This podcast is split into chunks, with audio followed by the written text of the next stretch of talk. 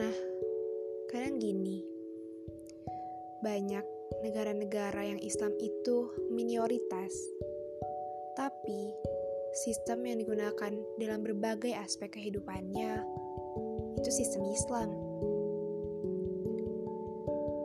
Negara-negara Skandinavia atau negara-negara Eropa contohnya.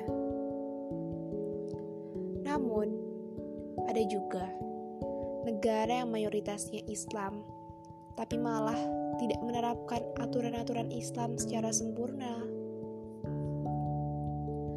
Akhirnya, ya jadi begitu. Jadi teringat oleh perkataan Muhammad Abduh, Al-Islamu mahjubun bil muslimin. Islam tertutup oleh kaum muslim sendiri.